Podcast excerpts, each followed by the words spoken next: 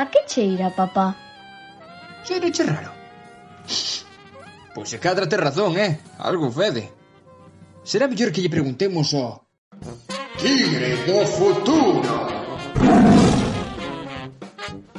O Tigre do futuro. O podcast de A que cheira, papá.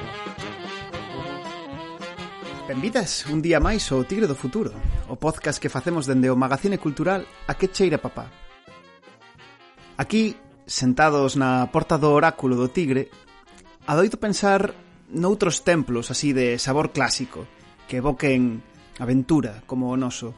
En esa lista, sen dúbida, ten que estar o templo maldito de Indiana Jones.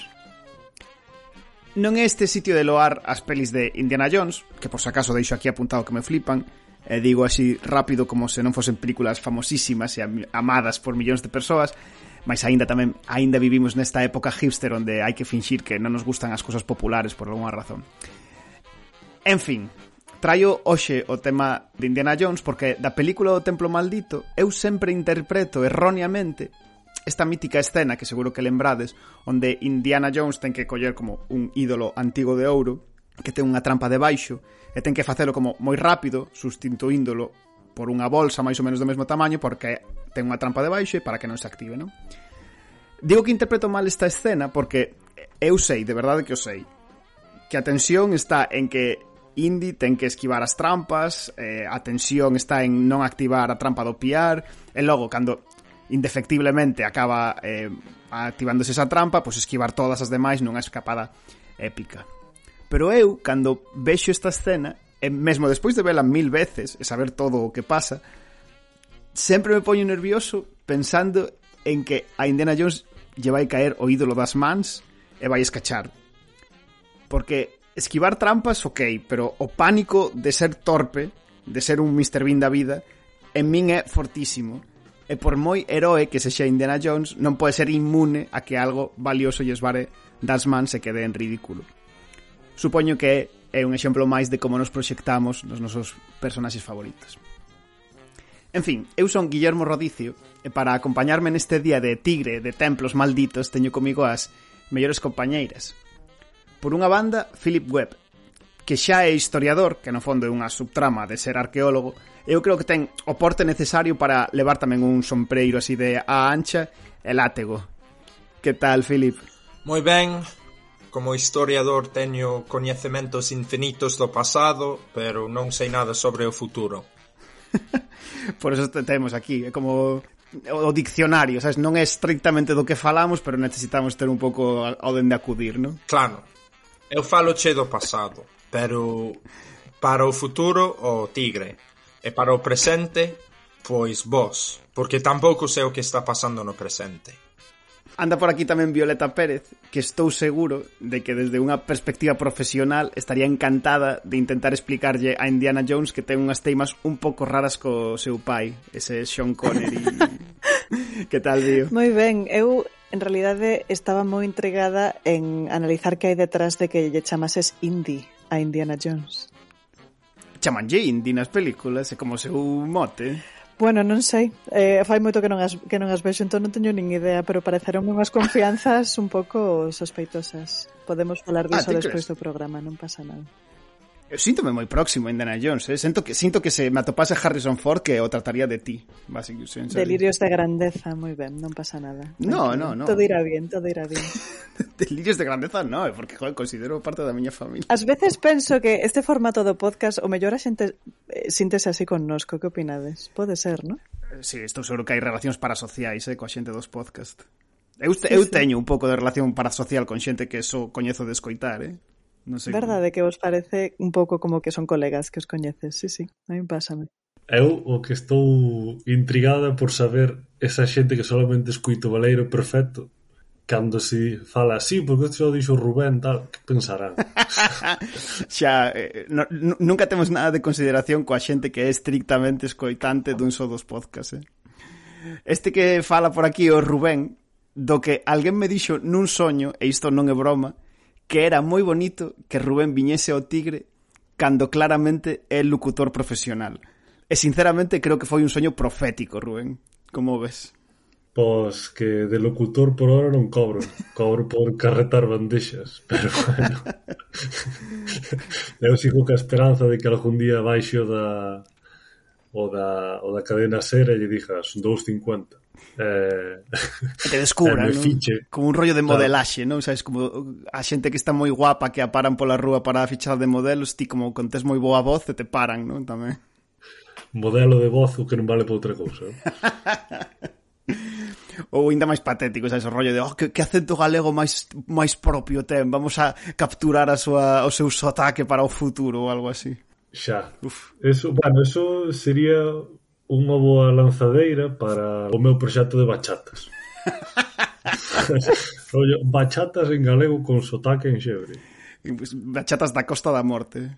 A verdade que sí, eh? Eu creo que se para ser locutor profesional galego tes que irte a Madrid, perder o teu acento, e volver un documental estilo Callejeros a la Coru e presumir de, dos percebes. É facer, é facer un monólogo sobre tópicos gallegos. Eso é, Eu é, a peaxe, é a peaxe que hai que pagar por ir a Madrid. Te fijas, cando fui Touriñán ao Club de la Comedia, foi o que fixo. E o Robert Bodegas, ten aquel mítico... É o Robert Bodegas. Uf queda un pouco de uf, un pouco de cringe visto sobre todo en distancia uf Claro, claro. Tamén é o que fago eu. Eu viñen aquí e, e encarno e, estereotipos ingleses. e por eso te entrevistan. Por eso nos os xornais, os xornalistas ten no, na axenda escrito o inglés que fala galego. Entón, cando fai falta para algún documento, algunha entrevista, e vas. Tamén BBC Radio Gloucestershire de vez en cando me chama para unha entrevista porque son o inglés que vive en España que escolle o teléfono. Reúnes todos os requisitos necesarios, basicamente. Unha vez eh, hai, non sei se foi o ano pasado, creo que sí, um, estaba cami camiñando a casa subindo unha costa coa bici que non, non era capaz de subir e estaba chovendo eh, eu estaba empapado e chamáronme da radio para preguntar se podíamos facer unha entrevista porque querían falar con ingleses en, en España sobre a, a ola de calor que había. Sintes a túa opinión autorizadísima nese tema, claro. Bueno, dixenlles que me estaba chovendo e, e que non... que non era un bom momento. Hashtag coparte. Sí, xa, xa dedicamos un tigre o tempo, eh? non vamos a liar.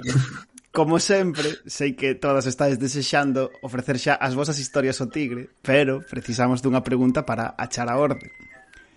Como hoxe o tema eh, eu pretendía que fose de cousas que caen e sentímonos un pouco ridículos, levo por aquí a pregunta.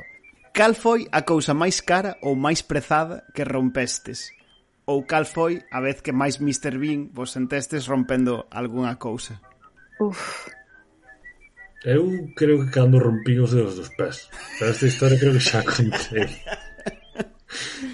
Home, considerar os teus dedos dos pés como cousas alleas a ti un pouco extremo, non? Ah, xa, claro, ayer, vale.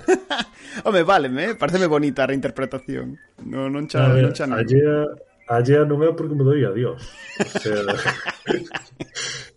poucas, Poucas partes do corpo estou máis seguro que son miñas que os dedos dos pés, non? A máis nese momento é difícil diferenciar a dor emocional da física xa, Non sabes canto do que che doe dor emocional Non, non, moi físico eh, Vale, vale. Admito, admito dores dos pesos. Estou pensando que pensar a pregunta vai ser moi difícil de cuantificar isto, pero vale. Ah, Agora, o tema, o tema Mr. Bean. O conto foi que un amigo meu é un pouco cargado Ajá. e cargouse nunha mesa e a mesa volcou. E eu fixen un pouco Indiana Jones. De feito, esa escena eu teño na cabeza a cámara lenta. E, e funo coller por debaixo dos brazos para evitar a caída, mas tamén puxen así o corpo para que a mesa non volcara enriba nosa, porque era unha mesa bastante grande. E, o canto da mesa caiu menos dedos dos pés. E entonces pasou de ser esa escena a cámara lenta do Salvador a ser Peter Griffin facendo rompiches todo, joder, rompiches toda a escena épica que te montaras para ti mesmo, tío. É que fui así, por eso digo que fui moi mister. Joder. Bueno, vale. Está, está en primeiro lugar por ahora, Rubén, eh? Admitimos este momento como extremadamente ridículo. O meu é, é algo moi cotián. Eu teño os brazos moi longos, eh, como un xogador da NBA, sen talento. Eh, e como os brazos me son bastante longos, pois necesitarías uns poderes cognitivos moi eh, exagerados para controlalos ben, para manipular o mundo ao teu redor eh, de xeito adecuado. Eu non teño eses poderes, polo cal de vez en cando, sen que me dea conta, unha das miñas maus como como que fai un, un amago de, de coller algo, pero realmente sae como un látego um, e tira as cousas. E pasa moito no medio dunha cesta, estarei falando, o mellor incluso estou falando eu ou, ou fala outra persoa e de repente, da nada, pois mando un, un vaso de viño por toda a mesa e espallo o viño por todas partes. Tamén na miña defensa do traballo fin de máster, eh, despois da, da miña presentación, Pois dixeronme imos facerche unhas preguntas e dixen vale e tirei a botella de auga por aí e, e pasa moito. Encántame que dixen antes que tiña soporte para levar látego e literalmente os teus brazos son ese látego de Indiana Jones. Sí. Buf, durísimo, eh? Durísimo isto. Gústame moito esta historia tamén, eh? Ai, pobre. Eu é que nunca rompín nada de valor, pero o outro día o que me pasou foi un este así moi en plan vídeos vídeos que estaba facendo pan e tiña un bol enteiro, pero como, non sei, un kilo de fariña e puxeno xusto no borde da encimeira, caeu e toda a cociña chea de fariña, despois intentei aspirala e caía a fariña da aspiradora, entón agora teño fariña onde teño aspiradora tamén. Bueno, todo bastante aparatoso, lamentable. E como moi patético, sabes, un kilo de fariña, non sabedes a nube que se formou, foi horrible. Entón foi moi vergoñento, pero non nada grave que non se poida solucionar, pero sí, Acaba ese momento como de Watchmen, sabes, de que vigila os vixiantes cando se mancha a aspiradora, en plan, como limpo a aspiradora. pensando el... Literal, literal, pois pues, sí. O Inception da, da limpeza. Con aspiradora máis grande. Paso mesmo con oso deshumidificador, porque como sempre está mollado, pois ao longo do tempo eh, formase un como un filme de como bacterias e tal no fondo e hai que limpalo. E estaba pensando outro día, pois estaría ben ter outro deshumidificador para o deshumi este deshumidificador. Uf, entras é, é slipper slope da, da, da deshumificación, eh? acabas secando todo o país, Philip, cuidado. E se pos un humidificador e un deshumidificador nunha habitación Creas o ciclo da auga, si, sí, non? Pedas a ter tormentas dentro da habitación. Estaría guapo facer. Pois a miña... A miña é... Dame vergoña, pero bueno, xa, xa que nos estamos aquí desnudando ante o público. É moi ridícula, non por, polo concreto, porque, a ver, eh, rompín a porta do garaxe, sabes? Saí en marcha atrás, rompín a porta do garaxe da miña casa. No. E, sí. e de por sí é como, joder, pois pues, que putada, sabes? Un momento un, pues, vale, O tema é que a rompín como tres veces. entón, claro, na terceira vez xa é moi difícil que ninguén teña como piedade de ti. So, so, a, a, ninguén entende xa como pode ser tan estúpido e, e só hai bronca, sabes? Só hai directamente bronca. E... Pero Guillermo, joder, que aporta estar ben sitio que siempre. Pero é un tema de timing, sabes? É como, eu penso que vai abrir máis rápido do que abre. E, e, e sabes, non sei, como sempre ando con presas, porque sabes, sempre chego tarde aos sitios.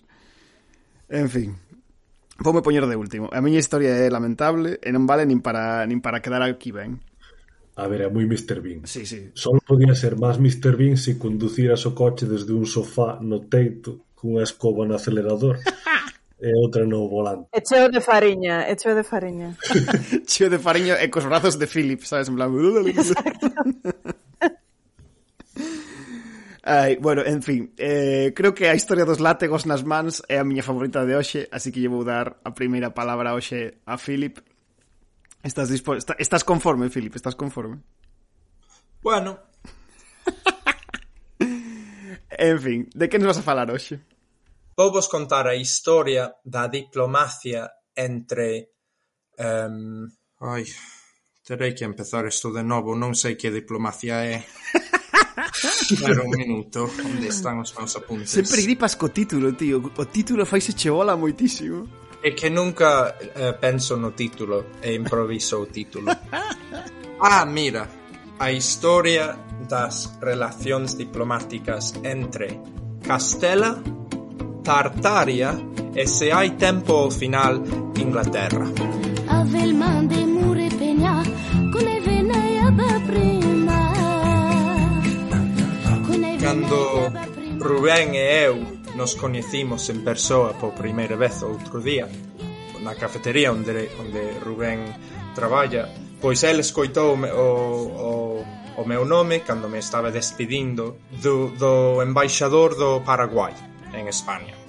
Vou presumir non dos meus contactos, do meu único contacto. Debo decir que parecía un tipo importante. É un tipo importante, sí, un baixador. Claro, claro, pero quero decir, a apariencia, cando vin dixen, dios, estaba falando con un tío importante. Sí, porque é moi alto tamén. Sí, sí. Pero non sei se ten os brazos como látegos, eso non o sei pero ningún dos dous tirou o café en ningún momento durante o noso tempo oh. vivo. Non, eu non tuve que fregar nada. eu coñezo a, a el, porque el tamén é historiador, e se ben o meu tema de investigación principal durante a, a tese foi a, as migracións, pois tamén investiguei e publiquei algún artigo sobre consulados ou, ou legacións en Paraguai ou España ou Argentina. E xusto un tema que, que comentei foi que a, estas cuestións dos diplomáticos, os embaixadores, os cónsules, eh, non fora no inicio da, da miña investigación doutoral eh, un tema que me chamaba especialmente, pero ao longo do tempo, pois terminaron interesándome eh, moito máis do que pensara que me ian interesar e que efectivamente pois empecé a ler um, sobre outras experiencias diplomáticas um, ao longo da historia.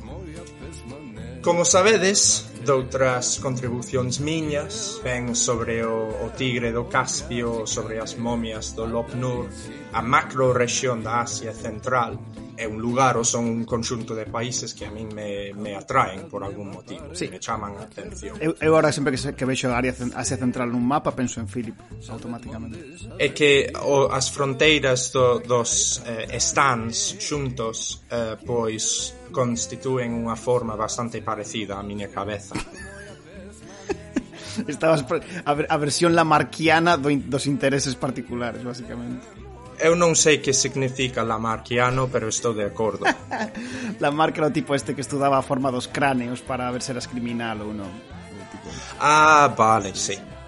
sí. No, Lamarck non era o do das xirafas estiran moito o pescozo ao final sanan fillos co pescozo máis longo. É o mesmo, que dice, bueno, non no sei, igual estou moi inventando. Da igual, xente. Eh, citade, Google, buscade vos a vosa bibliografía, va. vale. Eh, queres que che diga o título outra vez? No, porque non era Tartaria, a diplomacia entre Tartaria e Paraguai. Non, é Castela. Ah, Castela. E Inglaterra se hai tempo ao final. Vale, vale, vale. Hai que repetir o título porque se non vou olvidar de que estou falando e vou falar de Lamarck. entón, a historia que, que vou contar está relacionada con todos estas, estes temas que veño falando. A diplomacia, eh, a Asia Central. É a historia do primeiro embaixador de Occidente que chegou á Asia Central. Como sabemos, porque o falamos todas as semanas aquí, os mongoles chegaron a Occidente a finales do século XIII. Sempre falamos disso. Case sempre, é verdade que sí. Favorito, sí, sí.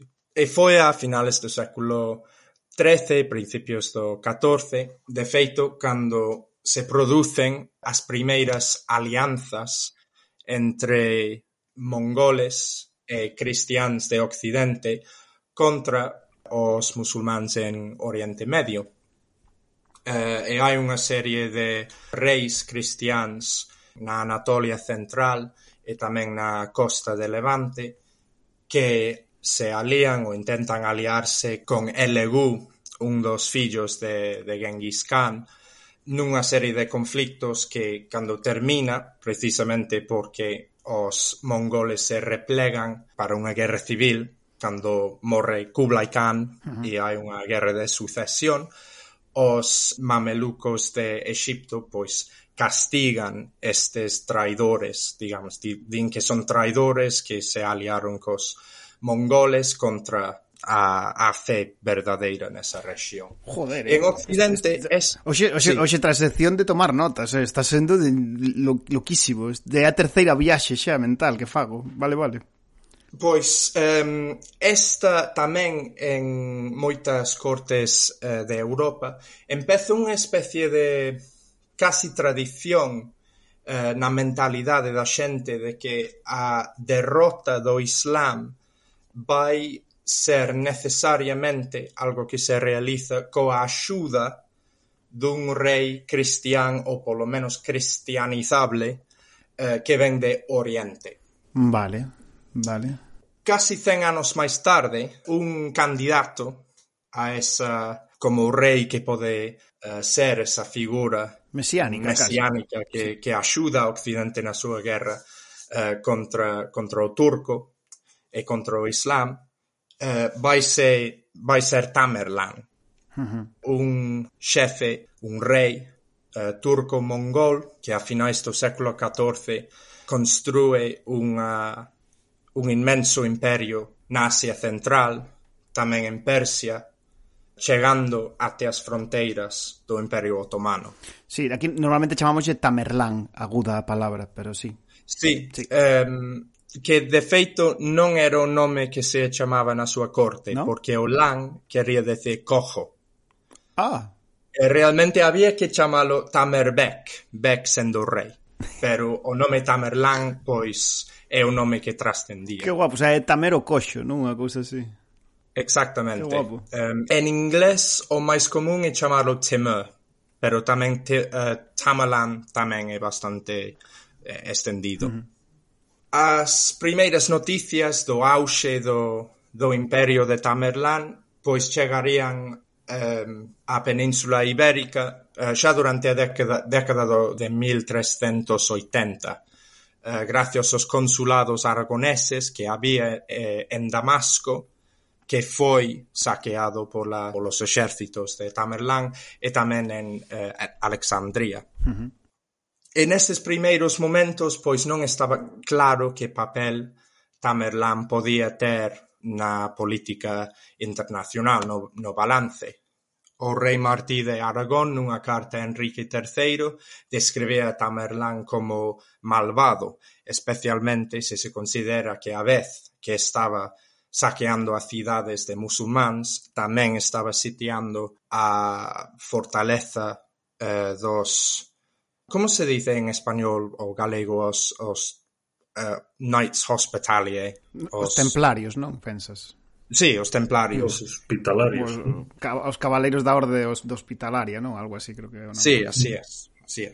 De feito, incluso, en Venecia buscaban unha alianza con Toctamish, o xefe da, da Horda de Ouro no norte das terras chamadas Tartaria, as terras de Tamerlán tamén se chamaban Tartaria, pero sería... En serio? Isto, isto, isto de verdade? Sí, sí, a, uh, de feito en, en moitas fontes en inglés uh, Tamerlán se chama Timur the Tartar.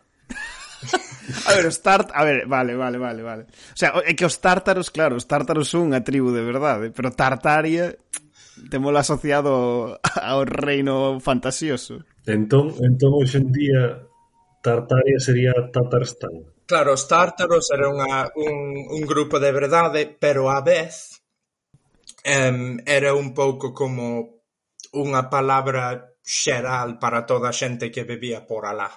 Vale, Siberia, vale, vale. na Asia Central, todas esas terras que non estaban, que eran terras prácticamente incógnitas para os europeos, eran todos tártaros. Vale, vale, entón, entón ese uso de Tartaria agora non foi broma, foi literalmente como pensaban en Tamerlán apenas. Foi literalmente, sí, literalmente. Vale. Eh, pero obviamente usei a palabra Tartaria porque lembrar a, a verdade histórica. Ou seja, todo o que eu estou contando é un pouco mentira, porque a verdade histórica é que Tartaria era un, un imperio unificado que as, as élites globalistas e, e Jeffrey Epstein querían como borrar uh, da, da memoria do público xunto coas inundacións de barro. Esa é claro, claro. A, a verdade verdadeiro. Eu estou máis ou menos contando vos as paranoias que os um, historiadores In, sí, como que nos intentan enganar, co dinheiro vale. de Soros, pois como inventaron para como engañarnos. Ninguén aprende nada aquí. Claro. En fin, Um, eu non sei onde estaba. Ah, sí. Um... Sí, Tamerlán, os tártaros, a xente non sabía que opinar del. Vaya. Uh, sí, a xente non sabe que, que opinar del. Varios estados, Venecia, Polonia, Rusia, pois incluso querían aliarse um, con Toktamish, o, o xefe mongol contra Tamerlán, uh, pero finalmente Toktamish tamén foi derrotado. Pero cando en mil catrocentos dous Tamerlán derrotou o líder otomano Bayaceto en Ankara, de repente todo o mundo amaba a Tamerlán. eh, Carlos VI de Francia escribiulle unha carta en que o chama serenísimo ac victoriosísimo. Enrique IV de Inglaterra, nunha carta que el escribiu, chamaba Amico Nostro, a Tamerlán e prometía seguridade e protección para todos os eh, comerciantes que puideran vir de, da, do imperio de, de Tamerlán até Inglaterra.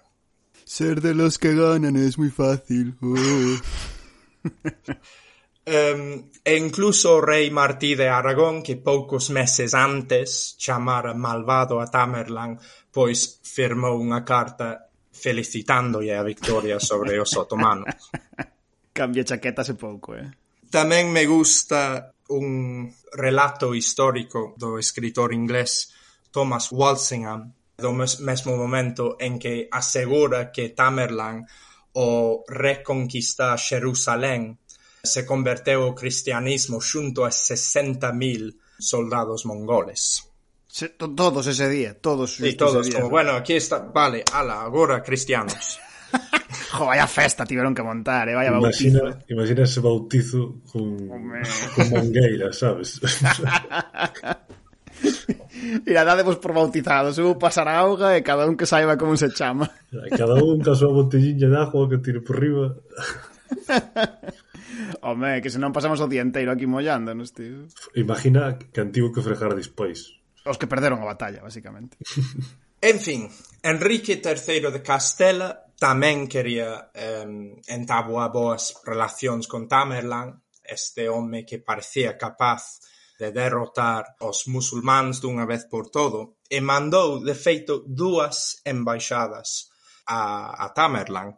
A primeira foi eh, unha embaixada de Paio Gómez de Sotomayor, que era galego, e Hernán Sánchez de Palazuelos, que foron eh, entrevistarse con Tamerlán en Ankara e volveron á Península Ibérica primeiro cun embaixador de Tamerlán, ou seja, a súa embaixada estaba ben recibida, o embaixador Mohamed Al-Qasi, e dúas doncellas cristiás que casaron con eles.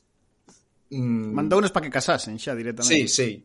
Ah. Se, se, doncellas cristiás capturadas nos saqueos de Tamerlán non sei se se casadas a forza, pero vamos, casaron coa, cos embaixadores de Castela.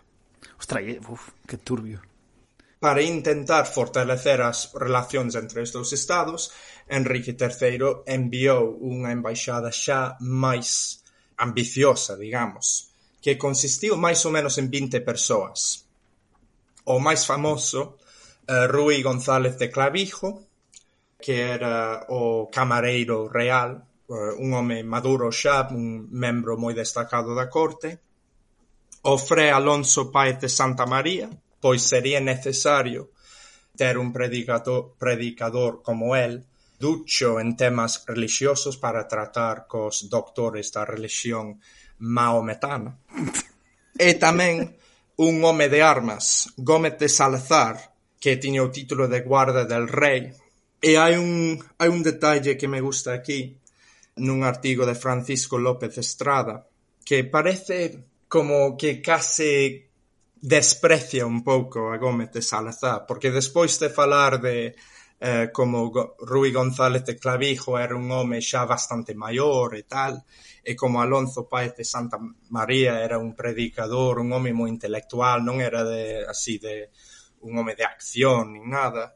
Dice que Gómez de Salazar era un, sí, un, un guardia del rey, pero no pudo resistirse a la dureza del viaje y murió durante, durante el mismo. Joder. Puteando por morrer durante o viaxe. Joder, pobre, pobre señor, tío. Viaxar era moi duro nesa época. Pois Tamén morrer é moi difícil. e, e este é o a, este case a, a clave de toda esta historia. Eh, estes tres viaxa, viaxaron con 14 persoas máis, escribáns, persoas que custodiaban as, os regalos, eh, os obsequios que Enrique III quería facerlle a Tamerlán. E a razón pola que nos trascende esta historia é que Rui González de Clavijo escribiu un relato da viaxe que ao final resultou ser Eh, primeiro, un dos mellores relatos de viaxe da, da Idade Media, como fonte. Que guapo. É ademais unha fonte moi importante para coñecermos como era a corte de Tamerlan durante este tempo. A intención mm. original era iren até Ankara como fixera eh, Gómez de Sotomayor e Sánchez de Palazuelos, pero Tamerlan xa marchara e xa marchara até a súa capital en Samarcanda, na actual Uzbekistán.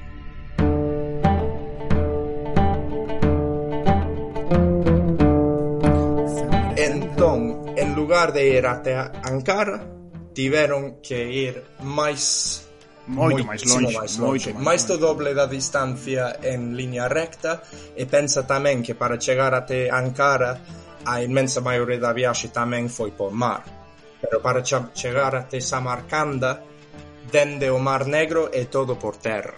E yeah, viaxe dura, eh? territorio moi montañoso. E... Eh, Efectivamente, levoulles tres anos e de volta. Joder, mimo. E unha das cousas interesantes do relato da viaxe de, de González de Clavijo son todas as dificultades que había para o viaxeiro naquela época. Por exemplo, o tema da comunicación. Estiveron bastante tempo en Rodas esperando no noticias de onde podía estar Tamerlán. Non sabían exactamente onde tiñan que ir. Sabían que xa non estaba en Ankara, pero non sabían a onde iba. Claro, é que iban cara ao leste un pouco a cegas, entón. Se, se iban cara ao leste porque intuían que tiña que ser por alá, pero... N nin sequera está claro se tiñan un mapa ou se iban en cada sitio onde iban tiñan que fiarse da, dos coñecementos dos mariñeiros ou, ou a xente local. Que guapo. En Constantinopla mm, recibe oso o emperador bizantino pero logo teñen que estar aí bastante tempo porque non consiguen fretar un, un barco. E cando por fin consiguen fretar un barco até Trebisonda, no outro lado do, do Mar Negro, eh, pois naufragan e tenen que volver e pasan un montón de tempo en Constantinopla intentando outra vez seguir viaxe. Hostia. Cando chegan a Armenia xa dice que empezan a ter problemas serios para facerse entender coa xente, non saben como avanzar e ademais temos que lembrar que viaxen cunha serie de baúles cheos de, de tesouros que teñen que guardar contra os bandidos que pode, que pode haber e non é até que se adentren bastante no que actualmente é Irán que entran realmente no núcleo do imperio de Tamerlan e hai certo nivel de seguridade. Xa, ademais son unha compañía grande, 15 persoas non pasan non pasan desapercibidas. As cousas cambian cando chegan á cidade de Soltaia en, na, na Persia porque aí por fin atopan o fillo de Tamorlan que es pode decir con máis seguridade a, a onde teñen que ir aínda está moi lonxe de Samarcanda pero pode axudarlles e curiosamente aí tamén coñecen a un señor católico que os recibe moi ben, porque evidentemente aí cerca do que actualmente é Teherán, pois moitos católicos non hai. Así que que veña un día un grupo de 15, pois genial. Xa fixo a tarde, joder. E é cerca de Teherán, onde Gómez de Salazar morre, porque é débil, é patético, eh, morre por un golpe de calor. Pero xa, le, o sea, guai, xa levaba moita viaxe, entón non morreu ao principio tampouco. Non, non. Joé, tío. Non libera moito. Pobre tío, joé, a mí dame pena. Ainda máis triste, tanto andar e morrer na orilla. Bueno, na orilla, na orilla. Quedaballes un cacho aínda. Si, sí, aí están aínda cerca de Teherán. Claro. Pero bueno, chegan ao final a Samarcanda e a verdad é que Tamorlán os recibe moi ben e hai descripcións das festas que hai, e todo o mundo está moi contento, co excepción de Gómez de Salazar, porque morreu. claro, ainda non houbera inundacións de barro, a xente estaba contentísima. E tamén temos unhas descripcións de Samarcanda que estaba no seu, no seu apoxeo como unha das cidades máis espléndidas do mundo. Describe todas as mercancías que chegaban de Rusia, da China, da India, Tartaria tamén, a pesar de estar en Tartaria. Pero, lamentablemente, González de Clavijo e os seus amigos, bueno, supoño que eran amigos, o mellor levábanse moi mal, non sei. Bueno. O mellor mataron a Gómez de Salazar. Oh, o plot twist que se nos acaba de correr. Pero lamentablemente volveron a Castela sen nin siquiera unha carta firmada de Tamorlán eh, porque realmente Tamorlan estaba nos seus últimos anos, xa era un home maior, enfermouse durante a estadía dos, dos españois. Ui. Xa non podía atendelos. E, ademais, a súa prioridade militar era organizar unha expedición contra a China. O tema dos otomanos e todo eso xa non lle interesaba moito. Así que os embaixadores volveron a Península Ibérica coas mans vacías, porque eles receberon tamén unha serie de regalos e obsequios de Tamorlán que levarlle a Enrique III. Que pasa? Como Tamorlán morreu durante a súa estadía, houbo inmediatamente un conflicto civil para decidir a, a facción. E eh, os españois estaban en camiño cando os soldados dunha das faccións decidiron quitarlles todos os regalos que recibiron de Tamerlan. Joder, a ver, empezas a sospeitosa a historia, eh? Xusto cando marchábamos quitaron os regalos e por eso non traemos nada, eh? Eh, sempre cedes novo? como, como último apuntamento, lembramos que Gómez de Salazar, se non foi asasinado, pois morreu por un golpe de calor. Pois durante o, o viaxe de reg regreso, Rui González de Clavijo queixase todo o rato do frío. A ver, hai que valorar a posibilidade de que estiveran todo o tempo Bravo. en Mallorca esperando a canto era o tempo razonable de ir e volver, eh? Porque non, traer, non trouxeron ninguna sola prova de que estiveran alá. O golpe de calor era o nombre dunha marra así moi grande que quedaron na cabeza como... chegaron a Castela que, que tal en Samarcanda? Uh, genial, sí, unhas festas hai elefantes, hai xirafas, hai de todo aí traendo estes imáns que pon Coruña é un Samarcanda é unha aí Venecia, sabes? unha camiseta de Steven en Samarcanda e acordeime de ti. é o único que trouxeron. Exacto. e a metade da camiseta, de, da camiseta é con barro. Está, está inundada a camiseta. Só da metade para baixo.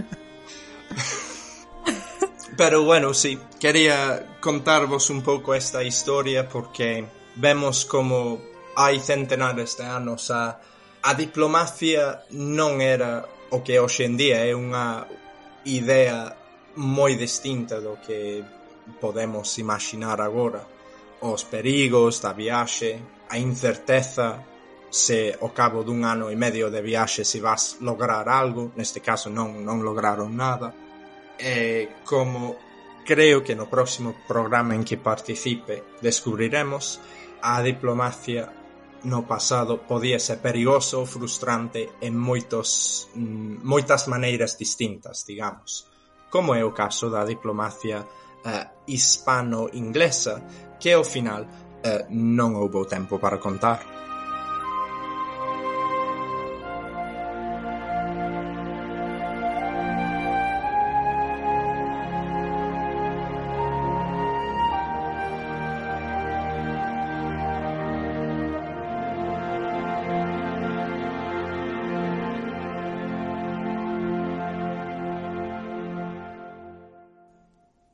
Pois moi ben, con ese final que non é final, é promesa dun novo comezo, xente.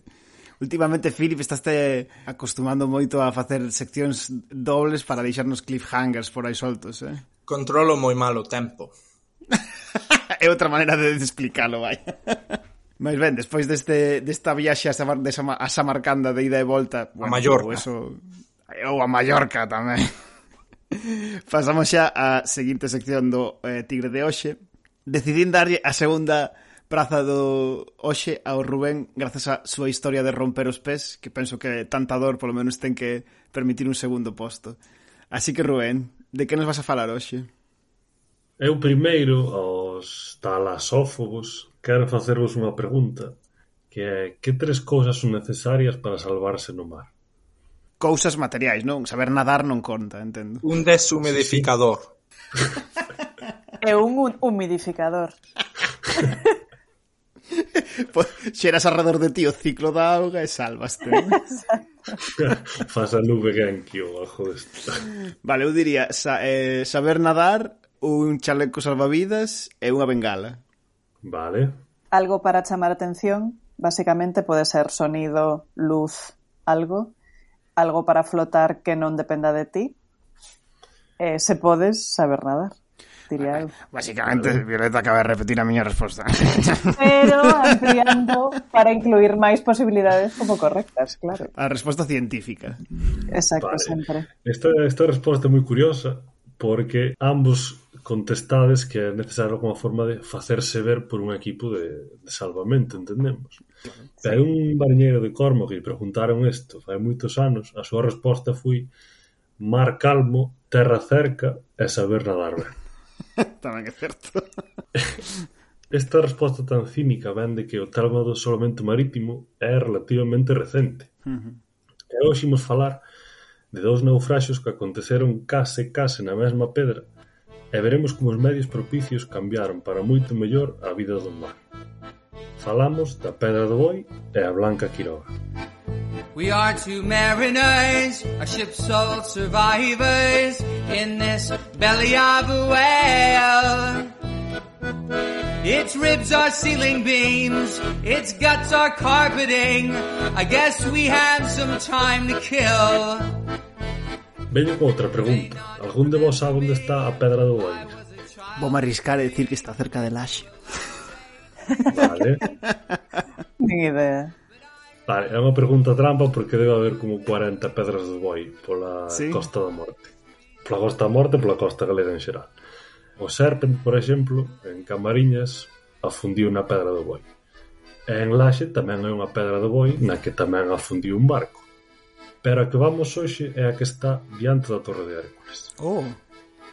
É, é moi fácil atopala porque na Torre de Hércules pois, hai unha, unha brúxula eh, enorme que sirve moi ben para orientarse. non sei se a puxer un país, pero polo que sexa sirve, a verdad. Si vos poñedes no centro da Rosa dos Ventos e mirades cara ao nordeste, ese illote que ves a poucos metros da costa é a Pedra do Boi. E este vai ser o, o noso escenario. Temos que a primeira historia. Era o 4 de outubro de 1970 e a Ría da Coruña estaba cerrada de borraxeira. Ás cinco da mañá, pola isla, unha vaca de arrastre viña buscando a enfilación do porto. A pouca visibilidade e unha vaga de mar das que rompían a balaustrada do paseo marítimo levou a isla a dar contra a Pedra do Boi e a bordo iban 15 tripulantes. 15, ostras, vale, vale. E volvemos ao de antes. Terra cerca, mar calmo e saber nadar ben. Cando se cumplen as tres, eh, vai todo ben e eh. Cando non se cumple ningunha delas, a morte chega moito antes que a agonía. Che. Pero, cando só se dan dúas de tres, aí un o problema. En este caso fallou o mar. A seis da mañá, os habitantes dun poboado chabolista situado ao pé dos cantís da torre despertaron cos berros de agonía de 15 persoas que loitaban por non afogar. Tentaban chegar á terra, mas a resaca do mar botábaos fora ou estampábaos contra os cons. Mm Desde terra botábanse cabos que non chegaban e algúns dos máis novos do poboado estaba disposto incluso a botarse ao mar. Mas non había nada que facer. Durante varias horas a xente do poboado tivo que escuitar como os berros de 14 homes se ian apagando sen poder facer nada. Só salvou un que se agarrou un madeiro e deixouse levar mar adentro, onde pudo ser recollido. Ostra. É que, como dicíamos, o sistema de salvamento na altura era moi precario Pois o sistema consistía en que os bombeiros daban aviso aos buques máis próximos para que se achegasen ao accidente os que podían. E non hai tanto tempo, dixeches 1970, non? Correcto. Joder, no, en, a, en Está... no medio da Coruña, o sea, ao lado da Coruña, en realidade, vai. Uh -huh. má. E de feito, cando se dou aviso, o barco máis próximo que chegou á zona era un pesqueiro do, do porto de Malpica.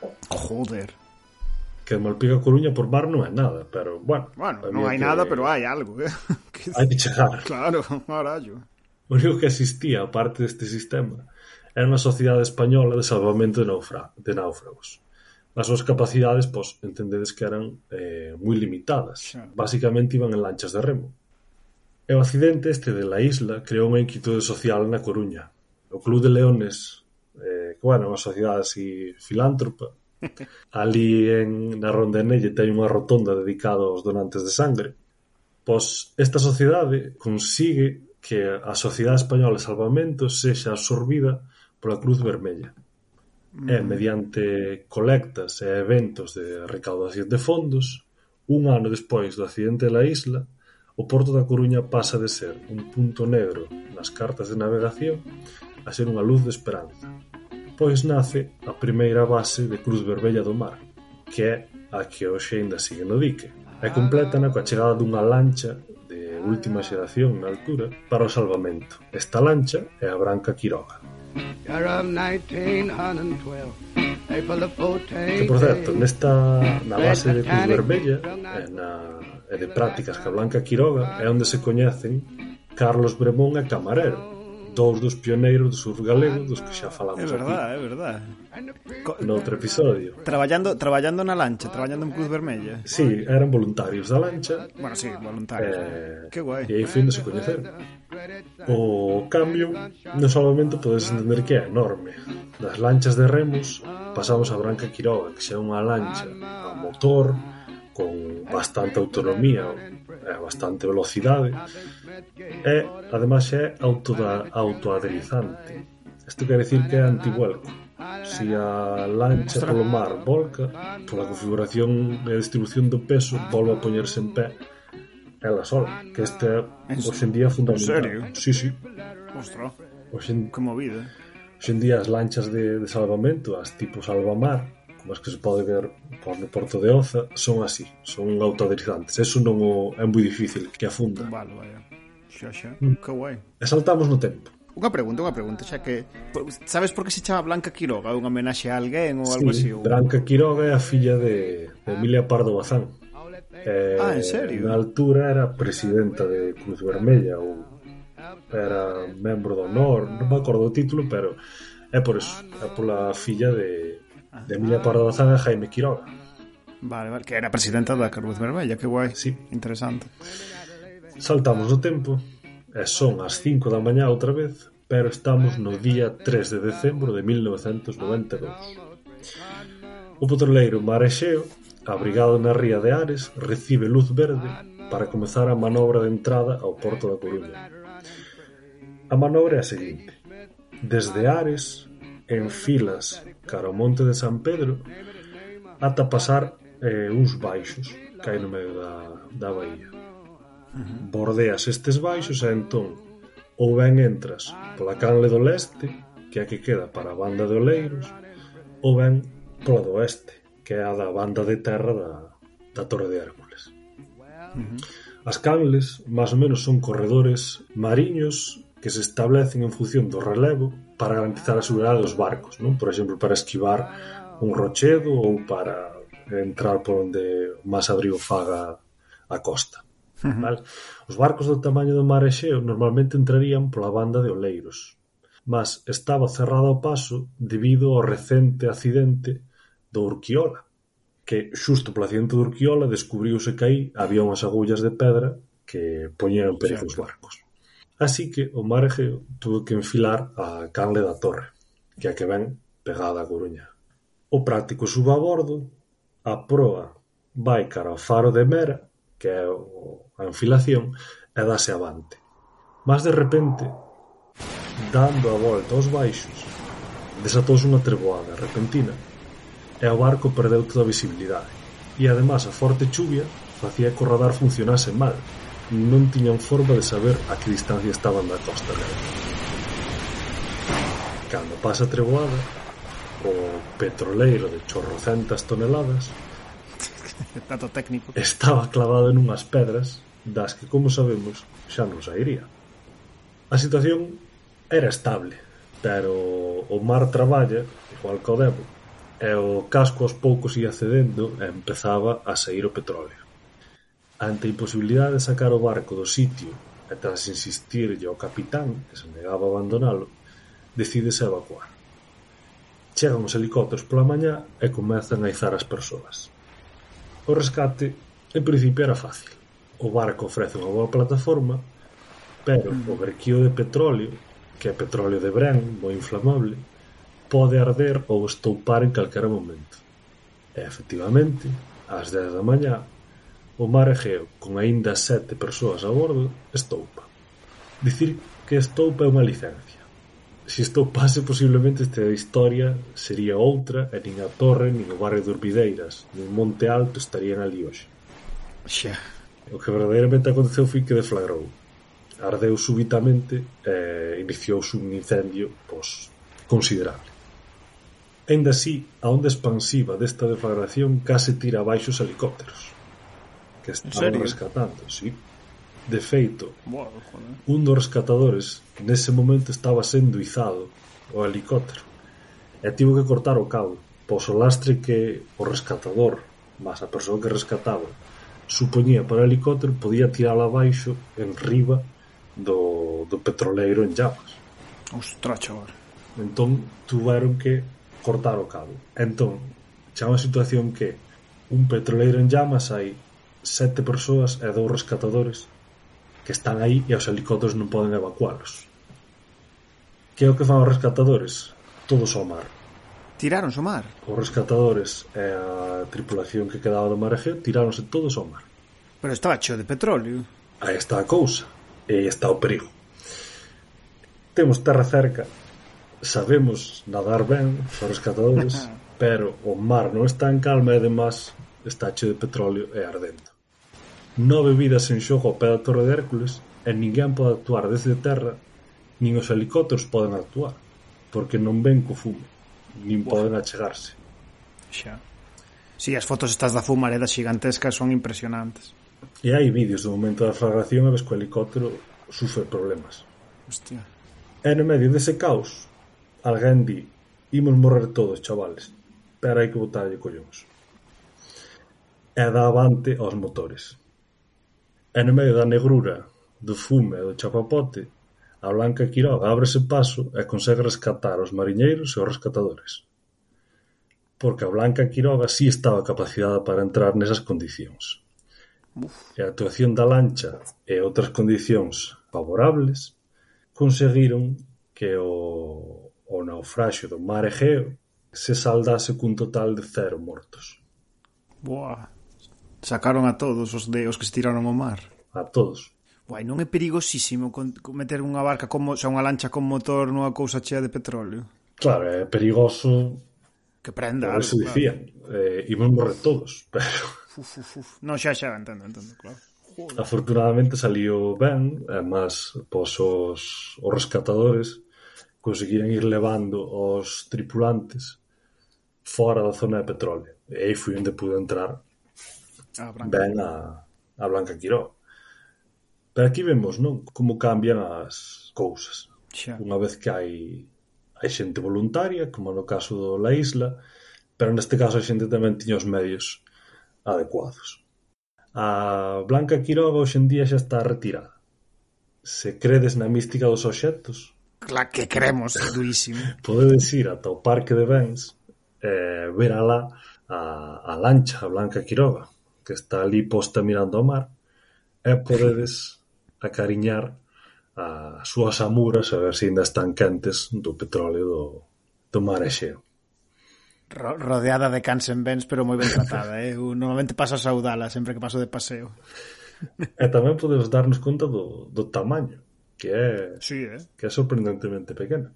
Xa, pero claro, como dis que non pode... Claro, entendo que necesitas ter un, unhas dimensións pequenas para que non volque, claro. Sí, sí. Que guapo.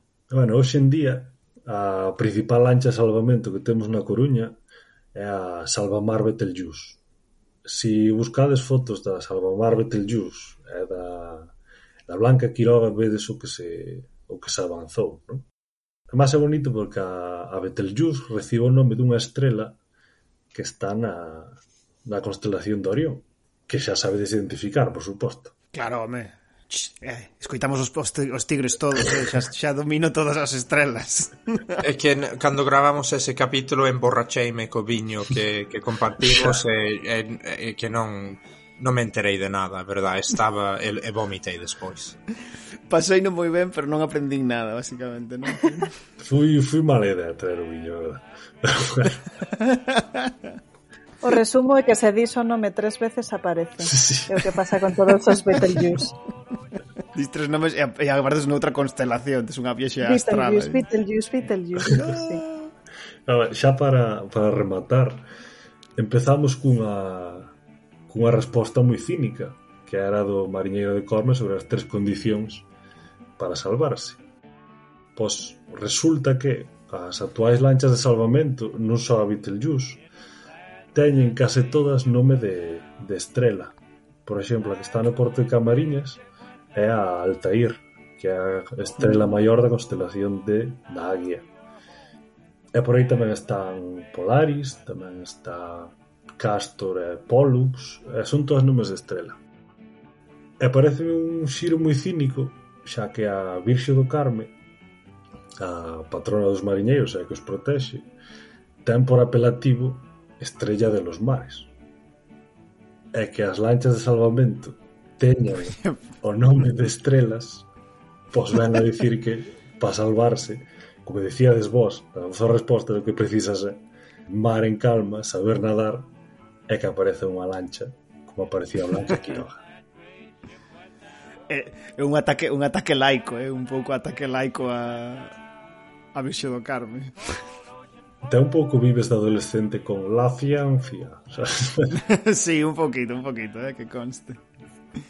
Estaba pensando, sacou o libro este Marta Otero sobre o accidente do, do Xeo, non? Hai que facer a recomendación, Por Rubén, supuesto, aproveita. recomendo durísimamente ler o, o libro Mar Egeo, el día cardio al mar, de, de Marta Otero, que además tiene dedicado pola autora, uh, fardando aquí. Eh, aparte unha dedicatoria moi chula porque ponme disfruta la catástrofe. Uf, que crack. E en sí a historia do marejeo, eso, vale a pena ler o libro porque é que a veces non somos conscientes que era un petroleiro na porta da Coruña. Xa, xa, xa. Eso... Unha cosa perigosísima, perigosísima. Eh, pero de ir levar, levar adiante toda a cidade. Eso é unha bomba de... Sí. Eh, é por casualidades, producido por a casualidade salvouse a Coruña. Entón, eu eso, recomendo ler o libro, pero sobre todo recomendo ir ás presentacións porque sempre vale a pena escutar a Marta Otero. e últimamente pois anda xira por aí. Así que xa xa sabedes. Sad when that great ship went down That cold ocean cold will now be your home sad when that great ship went down. Pois moi ben, despois desta viaxe desde as barca, bueno, dende non haber ningunha barca ata ter estrelas dos mares que te, que te sacan do inferno do, dos petroleiros. Pasamos xa a, a última sección do oráculo de hoxe, do tigre de hoxe. Deixeme a min para o final coa miña historia de un pouco de Mr. Bean que bueno, supoño que merecido, merecido para o final. Gracias por tu derrota un pouco, non? Hoxe eu vou vos falar dun tema que, que sempre me interesou moito, sempre me interesan as historias de rodaxes cinematográficos que saen moi mal.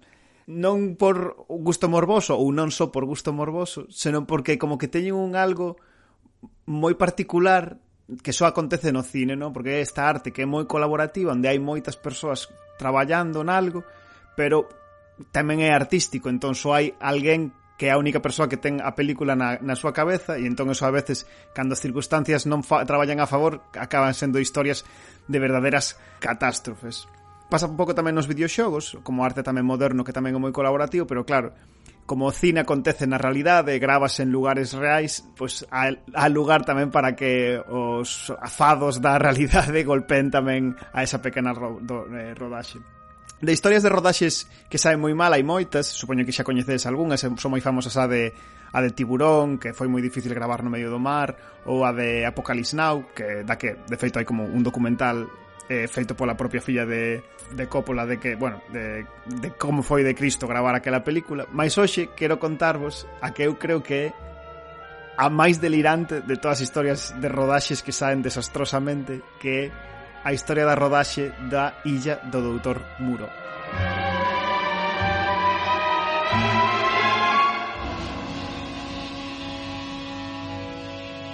E soa vos a Illa do Doutor Muro? Sabedes de, de que vai? Este doutor que transformaba persoas en animais?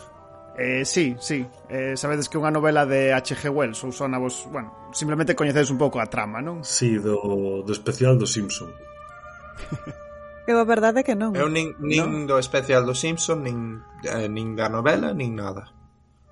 Vale, pois, eh, máis ou menos é o que contou Rubén. É unha novela da H.G. Wells do século XIX, que basicamente é unha historia así como moi prometeica, parecido a, a Frankenstein, pero no sentido de que vais un pouco sobre o rollo de a ciencia, onde están os límites da ciencia, cal é a natureza do ser humano, pero que vai sobre eso, sobre un doutor que ten unha illa onde está facendo experimentos e intenta eh, mesturar persoas con animais, non?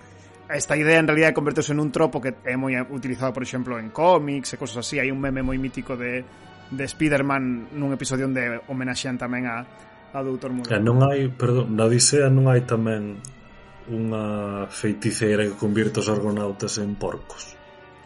Circe, Circe convirteos en porcos, pero son porcos normais, eh? son porcos. Ah, vale, vale. pero Homero inspirouse en Wells ou ao revés. Eu creo que se inspiraron todos en Spy Kids 3D, porque tamén había un tío que mezclaba animales e facía mono arañas e cousas así. Eu só vin a primeira película de Spy Kids Creo que a partir de aí xa a serie perdeu a súa alma Ah, pois uf, as, as outras dúas son moi divertidas, eh? O sea, son un desastre, son as pelis moi malas, pero son moi divertidas, eh? Bueno, hai gustos para, para cada quen. que falta un Philip, que falta un. É mentira, realmente só vin a primeira. Recomendarías as outras, entón? No, no, a primeira é claramente a mellor, pero as outras, se, non sei, se che, fan, se che fai gracia un pouco ese rollo de humor involuntario de Spy Kids, valen a pena, diría eu. Vale, anotado. bueno, volvendo a Doutor Muro, Durante o século XX hubo varias adaptacións de Doutor Muro, mais a que nos ocupa hoxe é a de 1995, que foi como un proxecto moi persoal dun director que se chama Richard Stanley. Richard Stanley xa fixera algunhas películas antes, e como que collera un pouco de impulso como director, que conseguía como escenarios así místicos oscuros, entón, bueno, el sempre dende pequeno gustaría moito a novela de Wells e a historia de Muro e sempre soñara con poder facer unha adaptación cinematográfica e con, conseguiu convenceros de New Line Cinema a productora para facer a película. O seu gran momento de gloria inicial de, de Richard Stanley foi que a New Line Cinema convenceu a Marlon Brando, o mítico Marlon Brando, para que fixese do propio Doutor Muró na película. Eh, xa colocar a Marlon Brando na película como tal era como un golpe de efecto Ainda que é certo que Marlon Brando no medio dos 90 pois xa tiña moitos problemas de obesidade mórbida e xa era como os problemas que tivera durante toda a súa carreira de ser un pouco capullo en set estaban exacerbados xa neste, nesta altura, vaya. Como inciso, decir que eh, na universidade en Ourense, nun dos paños de homes, hai na parede dun dos cubículos unha serie de debuxos de animais feitos por diferentes alumnos que son mezclas de persoas famosas con animais para facer xogos de palabras cos nomes. E algúns son moi graciosos pero desafortunadamente o único do que me acordo así de, de cabeza é Mirlon Brando. É, é, unha, é, un, é un merlo e ten a cara de Marlon Brando moi ben eh, currado, moi moi ben realizado. Eh, se hai alguén que escoita eh, este podcast que estea por Ourense, por favor acude a, a, ao baño eh, que está, está no, na biblioteca no, no campus novo eh, por favor saca unha foto desa, dese cubículo para, para mandalo porque non me acordo os outros pero eh, lembro que era moi gracioso Bueno, xente, xa tedes de ver eso xa para os nosos ouvintes de Ourense. Ai, eh, volvendo, joe, como me cuesta volver agora, eh, volvendo á película, temos a eh, Richard Stanley que xa ten a Marlon Brando un pouco fichado. O problema é que o estar Marlon Brando na película, ui va. Claro, xa tiñan a, a, Brando, a Marlon Brando dentro, mas ese problema o que traía era que para a productora o proxecto empezaba a ser demasiado grande como para confiar yo a un director un tanto novato como era Richard Stanley. Así que sondearon a posibilidade de darlle o proxecto a, a Polanski, o famoso director, que nesta altura xa tivera uns certos problemiñas en Estados Unidos polos que xa non podía entrar no país eh, que, bueno, nos que non vamos a falar hoxe, vamos, en definitiva. O tema é que Stanley enterouse disto de que estaban quitando un pouco o seu proxecto persoal e e atacou de unha maneira moi extraña. Sabía que o que necesitaba era convencer a Marlon Brando de que fixese con ela a película. E o que fixe foi é contactar cun bruxo, amigo del, eh, para que fixese como para que fixese como, eh, pois pues, non sei, maxia para que a reun na reunión con Marlon Brando pudese convencelo, non sei, algún tipo de movida ocultista.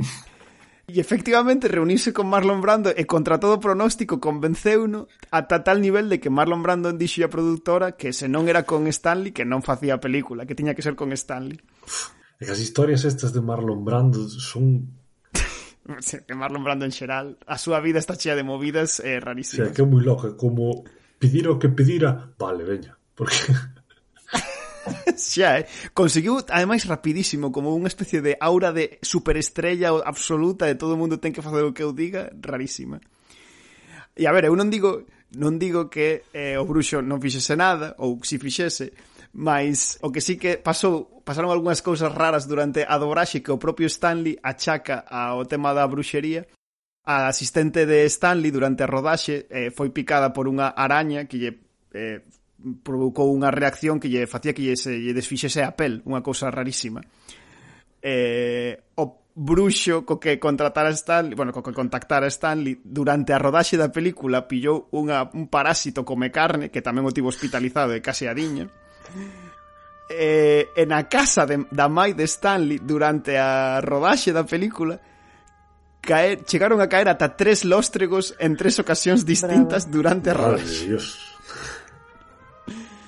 Así que, bueno, como como recordatorio de que mellor non andar fedellando coas artes escuras aínda que queiras convencer a Marlon Brando de nada.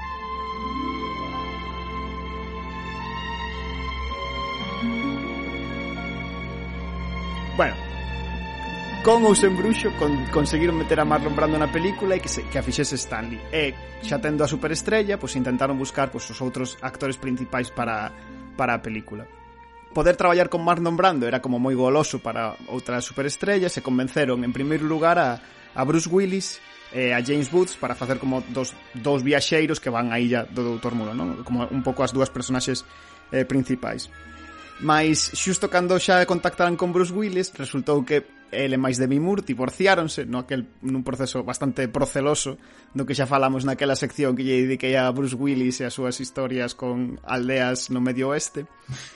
E entón, eh, dende a productora, decidiron chamar a outra gran superestrela do momento, que era Val Kilmer. Poñedeslle cara a Val Kilmer, era o eh... tipo este que fixo de Batman... Sí, sí. Sí. Sí, non? Google, Val Kilmer. Sí, home, sí, Val Kilmer, moi famoso. Nos, no, estaba como no, sí. no, no culmen da súa fama neste momento, no 95. Xa fixera Batman, fixera como El Santo e tal. E era famosísimo, pero tamén era Vox Populi, que era un subnormal, que que traballar con él era era dificilísimo e que o tipo era un pedorro. Tan pedorro, tan así, que na máis o contrataron, contrataron para facer como dun, do personaxe principal da película, dixo que ele era moi famoso e que non quería traballar tanto, que lle reducisen o 40% das horas de traballo.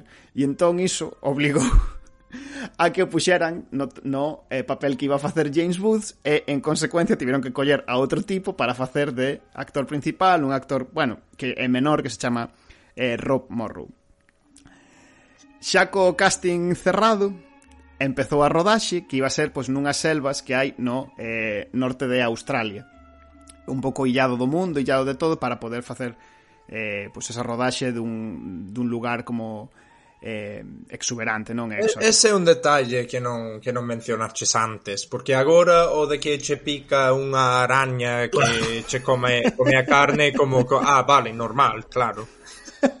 bueno, o bruxo, o bruxo seguía en Estados Unidos, eh? o bruxo pillou o parásito en Estados Unidos. Eh? A ver, reflexionemos bueno, acerca vale, eso, do concepto vale. parásito come carne, quero dicir, non se pode ir máis alá nesta historia que, que, que xa, esas dúas palabras xuntas. Bueno, bueno, eh? no, non, minus minusvalores o poder da illa do Dr. Muro, eh? porque aínda estamos Parásito come carne, vale, vale, escoito. Xusto no primeiro día, literalmente no primeiro día de rodaxe, pasou unha noticia que é, é tráxica de todo punto, é unha cousa moi grave que lle pasou a Marlon Brando, que, que morreu a súa filla de 25 anos, de feito, suicidouse. E pois Marlon Brando, lóxicamente, abandonou o set, mar marchou para a súa casa, para estar coa súa familia, e Mais isto, claro, deixaba a produción nunha posición moi incómoda porque a estrella principal da película é o doutor Muro marchara sen que soubesen cando iba a volver ou de feito se iba a volver nalgún momento cando xa estaban pois, todos localizados en Australia todos ali xa postos para gravar eh, o proxecto xa era demasiado grande entón non podía parar como tal e decidiron pois que iban a continuar grabando pois, as escenas nas que non estaba Marlon Brando e nas que, bueno, en xeral planos B e cousas así, non? O segundo evento, tamén cando levaban como cinco días gravando unha cousa así, aconteceulle a, Van, a Val Kirmer, que foi que a súa muller anunciou nunha entrevista en directo en televisión que se iba a divorciar del, que, iba, que xa iniciar os papéis de procedimento de divorcio con Val Kirmer. E Val Kirmer, evidentemente, intentou escapar da rodaxe, pero os de New Line Cinema non lle deixaron porque marcha, xa marchara Marlon Brando e necesitaban o tipo este para vender a película e non podía marchar. E entón, pois Val Kilmer quedou como unha especie de purgatorio rarísimo onde lle obligaban a facer unha película que el non quería facer. Pero eh, non tin, me... tiñan sicario, so... a ver, que tamén estás, ti pensa que estás como illado do mundo, non podes marchar dali se non te leva a productora a ningún sitio, sabes? Non ah, podes vale, marchar vale. andando. Vale. Entendo. Eh, ante esta situación persoal que sen dúda é, é dura para Val Kilmer, un profesional pois pues, normalmente pois pues, deixaría a un lado os seus problemas persoais e intentaría actuar o mellor que sabe eh, máis Val Kilmer non é este tipo de persoa eh, e fixe a vida imposible a todo o mundo no set durante a, durante a grabación chegar tarde, non saberse as liñas, en xeral non saber nada sobre o seu personaxe, ter que andar preguntando a cousas básicas sobre o seu personaxe a xente. Eh, incluso a xente do set declarou en algunhas entrevistas que nun momento dado tirouse no chao durante unha, durante unha escena e dixo que non se iba a levantar e tiveron que estar ali unhas horas esperando a que lle apetecese levantarse. Fan, fan absoluta. Parece un partido solteiros contra casados sí, unha cousa o sea, un nivel de profesionalismo é top. Estando tan tensa a situación persoal dos actores os problemas materiais non parecen tan graves, mas tamén o son, porque durante as primeiras semanas de rodaxes varias treboadas tropicais golpearon a, a zona do norte de Australia, eh, facendo moi difícil conseguir gravar, tanto así que había algúns barcos que traían animais salvaxes para a rodaxe, e coa mar tan brava era moi difícil atracar, E o propio Stanley colaborou na sacada de algúns deses animais e conta tamén nunha entrevista que nunha desas eh, un puma mexoulle en riba, mexoulle encima un puma mentras, mentras o intentaba sacar bueno. do barco. A ver, creo que é o mellor que che pode facer un puma. Isto así. Xa, dentro, dentro do que che pode facer un puma que te mexe. A situación é, o sea, a película xa empezaba a ter tintes de estar claramente eh, curseada maldita, tanto así que Rob Morrow, o actor este sustituto que comentaba antes, chegou nun momento a chamar entre, entre vaguas aos produtores da New Line, New Line Cinema para que o deixasen marchar de ali e deulles tanta pena que lle deixaron marchar. E contrataron no seu lugar a outro actor para facer do, do personaxe principal que é David eh, Thewil que quizáis vos son era o que facía de, de Remus Lupin en Harry Potter. Ah, o, o licántropo. Ah, vale, mira. Este actor, sí, claro, de novo atraído pois pues, por poder traba traballar con Marlon Brando, pero Marlon Brando non estaba non estaba Ai, ali neses momentos. Era idiota Marlon Brando, por favor. sí, pero daba moito caché traballar con el, joder. Sí, sí, que noxo. Eh, ainda con este nova incorporación, eh, Marlon Brando seguía sen aparecer, Val Kilmer seguía sendo un subnormal, e a tensión chegou ata tal punto que Val Kilmer de, dixo esos da produtora que todo era culpa de Richard Stanley, que o director non sabía dirixir, que toda a película estaba sendo un cacao, e os da New Line Cinema acabaron despedindo a Richard Stanley vía fax. Ante a noticia de que eh, definitivamente era despedido do seu proxecto persoal, que por lo que tanto loitara ata o punto de contactar cun bruxo, De novo, un profesional normalmente asumiría a noticia, intentaría quedar ben coa produtora para futuros proxectos, mais Stanley non é este tipo de persoa. Nunha routada re, re, rompeu todos os, as notas de produción, rompeu todos os, os guións e en xeral destrozou todo o que podía eh, servirlle a un futuro novo director e mentras o estaba facendo tivo un, pues, un mental breakdown, non sei como chamarlle de outra maneira un parraque si un parraque e berrando marchou correndo e desapareceu na xungla. Marchou correndo para a xungla e desapareceu desapareceu, pero non desapareceu de todo. O sea, efectivamente, a partir deste momento, Richard Stanley non traballou máis na película de maneira oficial. Mais, se ve desa película, hai algúns momentos onde un dos extras que está por detrás da película é Richard Stanley disfrazado con moita maquillaxe encima. Ai, por favor, non. maquillábase, disfrazábase, eh, colábase no set e, apare e aparece en diversas en diversas escenas durante a película eh, como que des deslocaba cousas de sitio, puteaba en xeral a xente, sabes? Como que era un ah. fantasma da selva que puteaba a todo o mundo. De feito, como nos últimos días xa de rodaxe, e chegou a colarse nunha festa tamén disfrazado só para insultar en voz alta a Van Kirmer e poñelo a parir diante de todo o mundo disfrazado tamén como de, de, de cousa pombero. rara, de, de, do... o pombero, sí, basicamente o pombero. Vale, dentro de todas as fuxidas da película, o personaxe principal feminino, que é a filla do Dr. Muro, era interpretado por unha actriz que se chamaba eh, Fairsa eh, Balks, e tamén comprendeu que a película estaba indo pois, por malos derroteros e intentou marchar da rodaxe, ata o punto que conseguiu convencer a un dos conductores da, da produtora que tiña unha limusina para que a levase até Sydney. Vale, tens que entender que Sydney está como a 4.000 kilómetros de onde estaban grabando a película e marcharon os dous en limusina. Pero a productora, a productora... Que pouco a productora... carisma ten Val Kilmer. Temos xa dúas persoas que convenceron a xente para leválos talí o propio director despedido pode marchar se quere e non marcha e Val Kilmer ali quere marchar e non lle deixan. A ver, a tipa esta convenceu a unha soa persoa para que a levase limusina. E de feito a productora parou una no, no, no aeroporto de Sydney e obligouna a volver. Obligaron a volver e tivo que seguir actuando na película. Sabes o que era bonito? Facer a película sobre Val Kilmer en plan drama existencial, como todo o mundo pode marchar menos el. Ata o doutor Muro, sabes, en plan unha especie de esperando por esperando por, por Godot, pero é o Doutor Muro que nunca aparece na illa, sabes? Claro. esperando a Marlon. Sí, a ver, a, neste, neste momento a illa do Dr. Muro é máis ben o gulag do, do Dr. Muro vale? Unha cousa así Vale, a productora mandalles consigue convencer a un novo director que é eh, John eh, Frankenheimer, que é un director como moi clásico de, de, de Hollywood, que fixera moitas películas moi famosas nos anos 60 e 70, e eh, que era famoso por ser un pouco bella escola no sentido de ser tamén un capullo que era capaz de convencer os actores máis capullos para que actuasen, non? Eh, chegou a, chegou a, ao set e considerou que todo o traballo que fixera antes Stanley era inutilizable, entón reescribiron en gran medida case toda case toda a película. Caxa co novo director ali colocado e parecía que as cosas parecían ter, volver a ter un pouco de sentido, aparece de novo Marlon Brando, que volveu. Solo por facer problemas. eh, home, en algún momento tiña que volver para que pudiesen facer a película e efectivamente acabou volvendo. Mais, eh, para sorpresa de ninguén, eh, Marlon Brando... Molaba, molaba que chegara e dixera Coño, Val Kilmer, ti por aquí. Eh, sí, basicamente foi iso que pasou, porque para sorpresa de ninguén, Val Kilmer e eh, Marlon Brando, polo que sexa, non se levan ben. non. e non traballan moi ben xuntos para non sei, é sorprendente que poñera dúas persoas cun ego do, do tamaño de Cuba e non funciona, non sacas boas películas diso.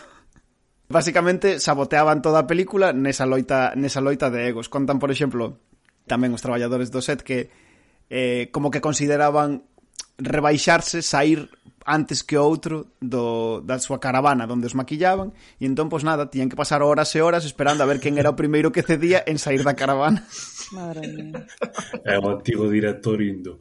Joder, pois ainda non saliu. Eh". O, o Frankenheimer pois, eh, chegou con este percal e evidentemente tiña que traballar con estes actores, pero tamén contan que o último día de rodaxe, en plan, na última escena na que participaba Val Kilmer, en canto acabou a escena, chamou os de seguridade e obrigou a que sacasen a Val Kilmer por a forza do set, en plan, non te quero ver nunca máis de diante. Pero bueno, eh, Marlon Brando, xa con Marlon Brando, te, ah, podemos facer tamén unha pequena mención ás, eh, non sei, extrañezas de Marlon Brando traballando, porque se Val Kilmer era un capullo, eh, Barlo Brandos directamente sudaba a película durísimo. Eh, non se aprendía as liñas. Directamente decidiu que non se iba a aprender o guión, entón o que tiveron que facer foi poñerlle como un auricular na orella onde iban dicindo as liñas da personaxe, onde iban dicindo o que tiñan que dicir. E se vedes a película, de feito, hai varios planos onde non foron capaces de agochala e ves que ten un auricular, o do doutor Muro, por algunha razón. Ostras, non tamén de, de Marlon Brando no Padriño a rei eh, en relación con isto tampouco se aprendiu as liñas entón o que facían era puñerlle chuletas na, na frente do, dos actores que interactuaban con el nas na mesas, fronte, tío Ai, por favor, pisas, en plan tío. como o xogo deste de adiviña que personaxe son bravo sí, sí, sí. que tengo en el coco nunha escena con pouca luz o tipo entornando os ollos para intentar ler o que pouco papel, sabes? que Bueno, de todas maneiras, é mellor solución co que fixeron aquí, porque o problema do auricular foi que chegado certo momento da rodaxe, empezou a haber interferencias no, no altavoz cunha emisora eh, cercana da policía. E o, e o Marlon Brando sudáballe tantísimo a película que decía o que decían na emisora de radio como se foran como se foran liñas da diálogo e tiñan que parar porque evidentemente eso non era o que dicía o personaje. Un nivel de folga laboral extremo, vaya. Mas isto son a, ao lado de sudarlle a, a, a pirola da película. Mas por outro lado, como é un actor famoso, lenda viva de Hollywood, tamén sentíase totalmente libre para facer recomendacións e propostas ao director. Eh, entre elas, gustame especialmente unha na que exixiu poder levar un sombreiro moi alto porque con o sombreiro podía meter un cubo de xeo na cabeza porque facía moito calor na xungla. E entón hai varias escenas da película onde o Dr. Muro leva un gorro moi raro. porque dentro está, eh, pois aí ten xeo posto, porque tam tamén, polo visto, hai varios momentos onde o Dr. Muro queixase do calor durante a película, e eso non estaba no guión, é literalmente queixándose do calor que fai. Eh. E a outra gran petición que afectou en gran medida a película foi que eh, un dos extras da película, un destes actores que facían de híbridos humano animal, que eran como un pouco os proxectos de Muro, era o que naquela altura era a persoa máis baixa do mundo, un, un actor que se chamaba Nelson de la, Nelson de la Rosa, que tiña pues, un, un problema físico que era como moi moi moi pequeniño. E a Marlon Brando fascinoulle eh, Nelson de la Rosa obsesionouse con el e reclamou que saíse moitísimo máis na película do que estaba previsto. E que tiñan que sair moitas veces eles dous lle tiñan que ir con disfraces a xogo. O sea, el é máis o, é máis o, máis, o, máis Nelson o rapo a persoa está moi baixiña Dios, xusto estaba buscando unha foto sombreiro e eh, acabo de encontrar o... A foto de Marlon Brando e Nelson de la Rosa na película. É que hai unha escena na que tocan o piano e está Marlon Brando tocando o piano nun piano de cola e Nelson de la Rosa tocando un piano pequeniño encima do piano de Marlon Brando. Non sei, unha cousa... Unha cousa extrema. De feito, dis dis que, que este, este momento loco é a inspiración para na peli de Austin Powers de eh, O Doutor Maligno e Minillo, que claro. é donde quitaron a idea. Ostras. En fin, a rodaxe de... Bueno, xa vedes cales son os prolegómenos da rodaxe de, da Illa do Doutor Muro. Só quero indicarvos que a rodaxe durou seis meses. Estiveron seis meses con este percal. Contan que, claro, os actores e xente que tiña que dar a cara non podían marchar, pero a xente do set non, non estaba tan vinculada e sí que, polo visto, durante os seis meses houve xente que desapareceu e non volvía, en plan, pois alguén tiña que facer o traballo do iluminador porque o iluminador desapareceu. Até me está dando pena Val Kilmer, eh?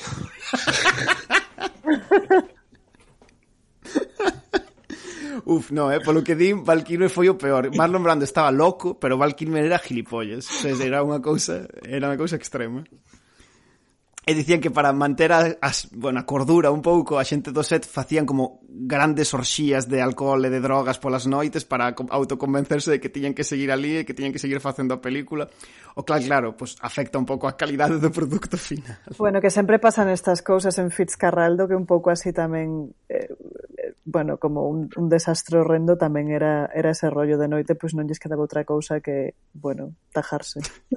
Sí, sí, pero extremo, eh? Unha cosa... Claro, tajarse para esquecer a mierda de traballo claro, que estás claro. facendo durante seis meses no medio da xungla e eh, noutro, na outra punta do mundo. Total. Eu teño unha proposta.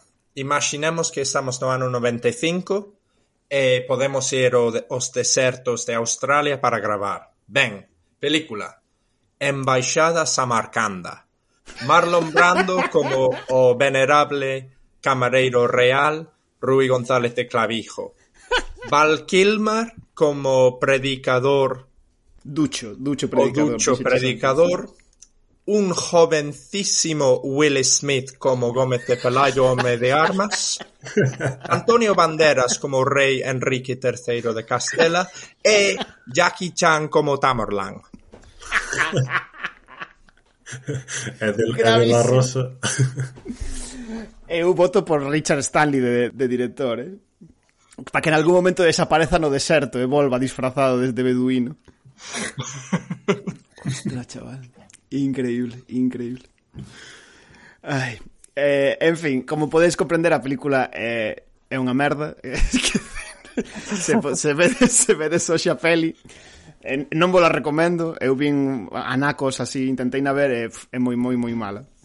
O único é, cando sabes toda a historia, a peli ten como momentos extrañamente divertidos, non? Intentas buscar caldos extras e Richard Stanley, caldas escenas... foi claro, é mala, pero como The Room, ou é mala, mala? Eh, non, é, é mala, é mala, mala, pero ten momentos de The Room. O sea, ten como conatos de The Room. Pasa que o conxunto da película hai cachos que se fai un pouco bola, eh? Porque claro, o material original, a novela de Wells é eso, como un pouco filosófica e tal, e a, e a peli por momentos convirtese en moi pedorra, como moi pretenciosa, e eses cachos eh, non funcionan nada ben.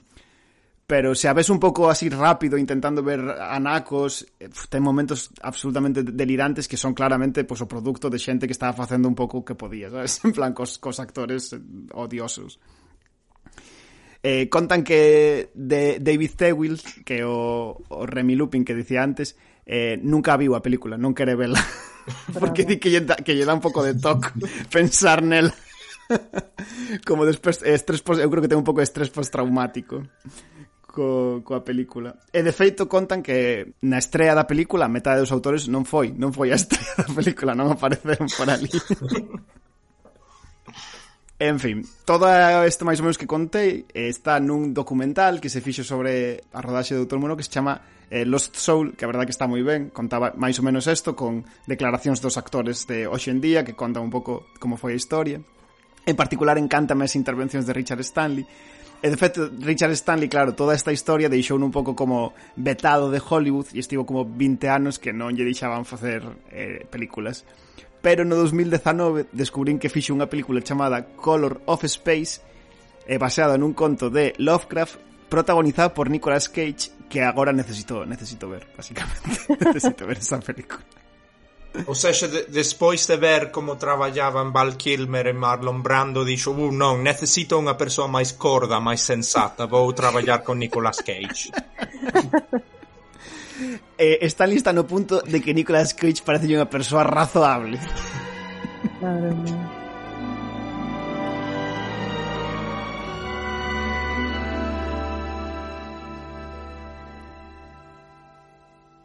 Pois moi ben, so xa o Tigre Tigre de Homens e iso significa que chega ao seu fin un novo episodio do Tigre do Futuro saímos do oráculo hoxe e eu creo que xa cheos de confianza en que non se nos caerán os, os ídolos dourados e aguantaremos naufraxios ou tormentas tropicais ou longas viaxes a, ao leste de Asia.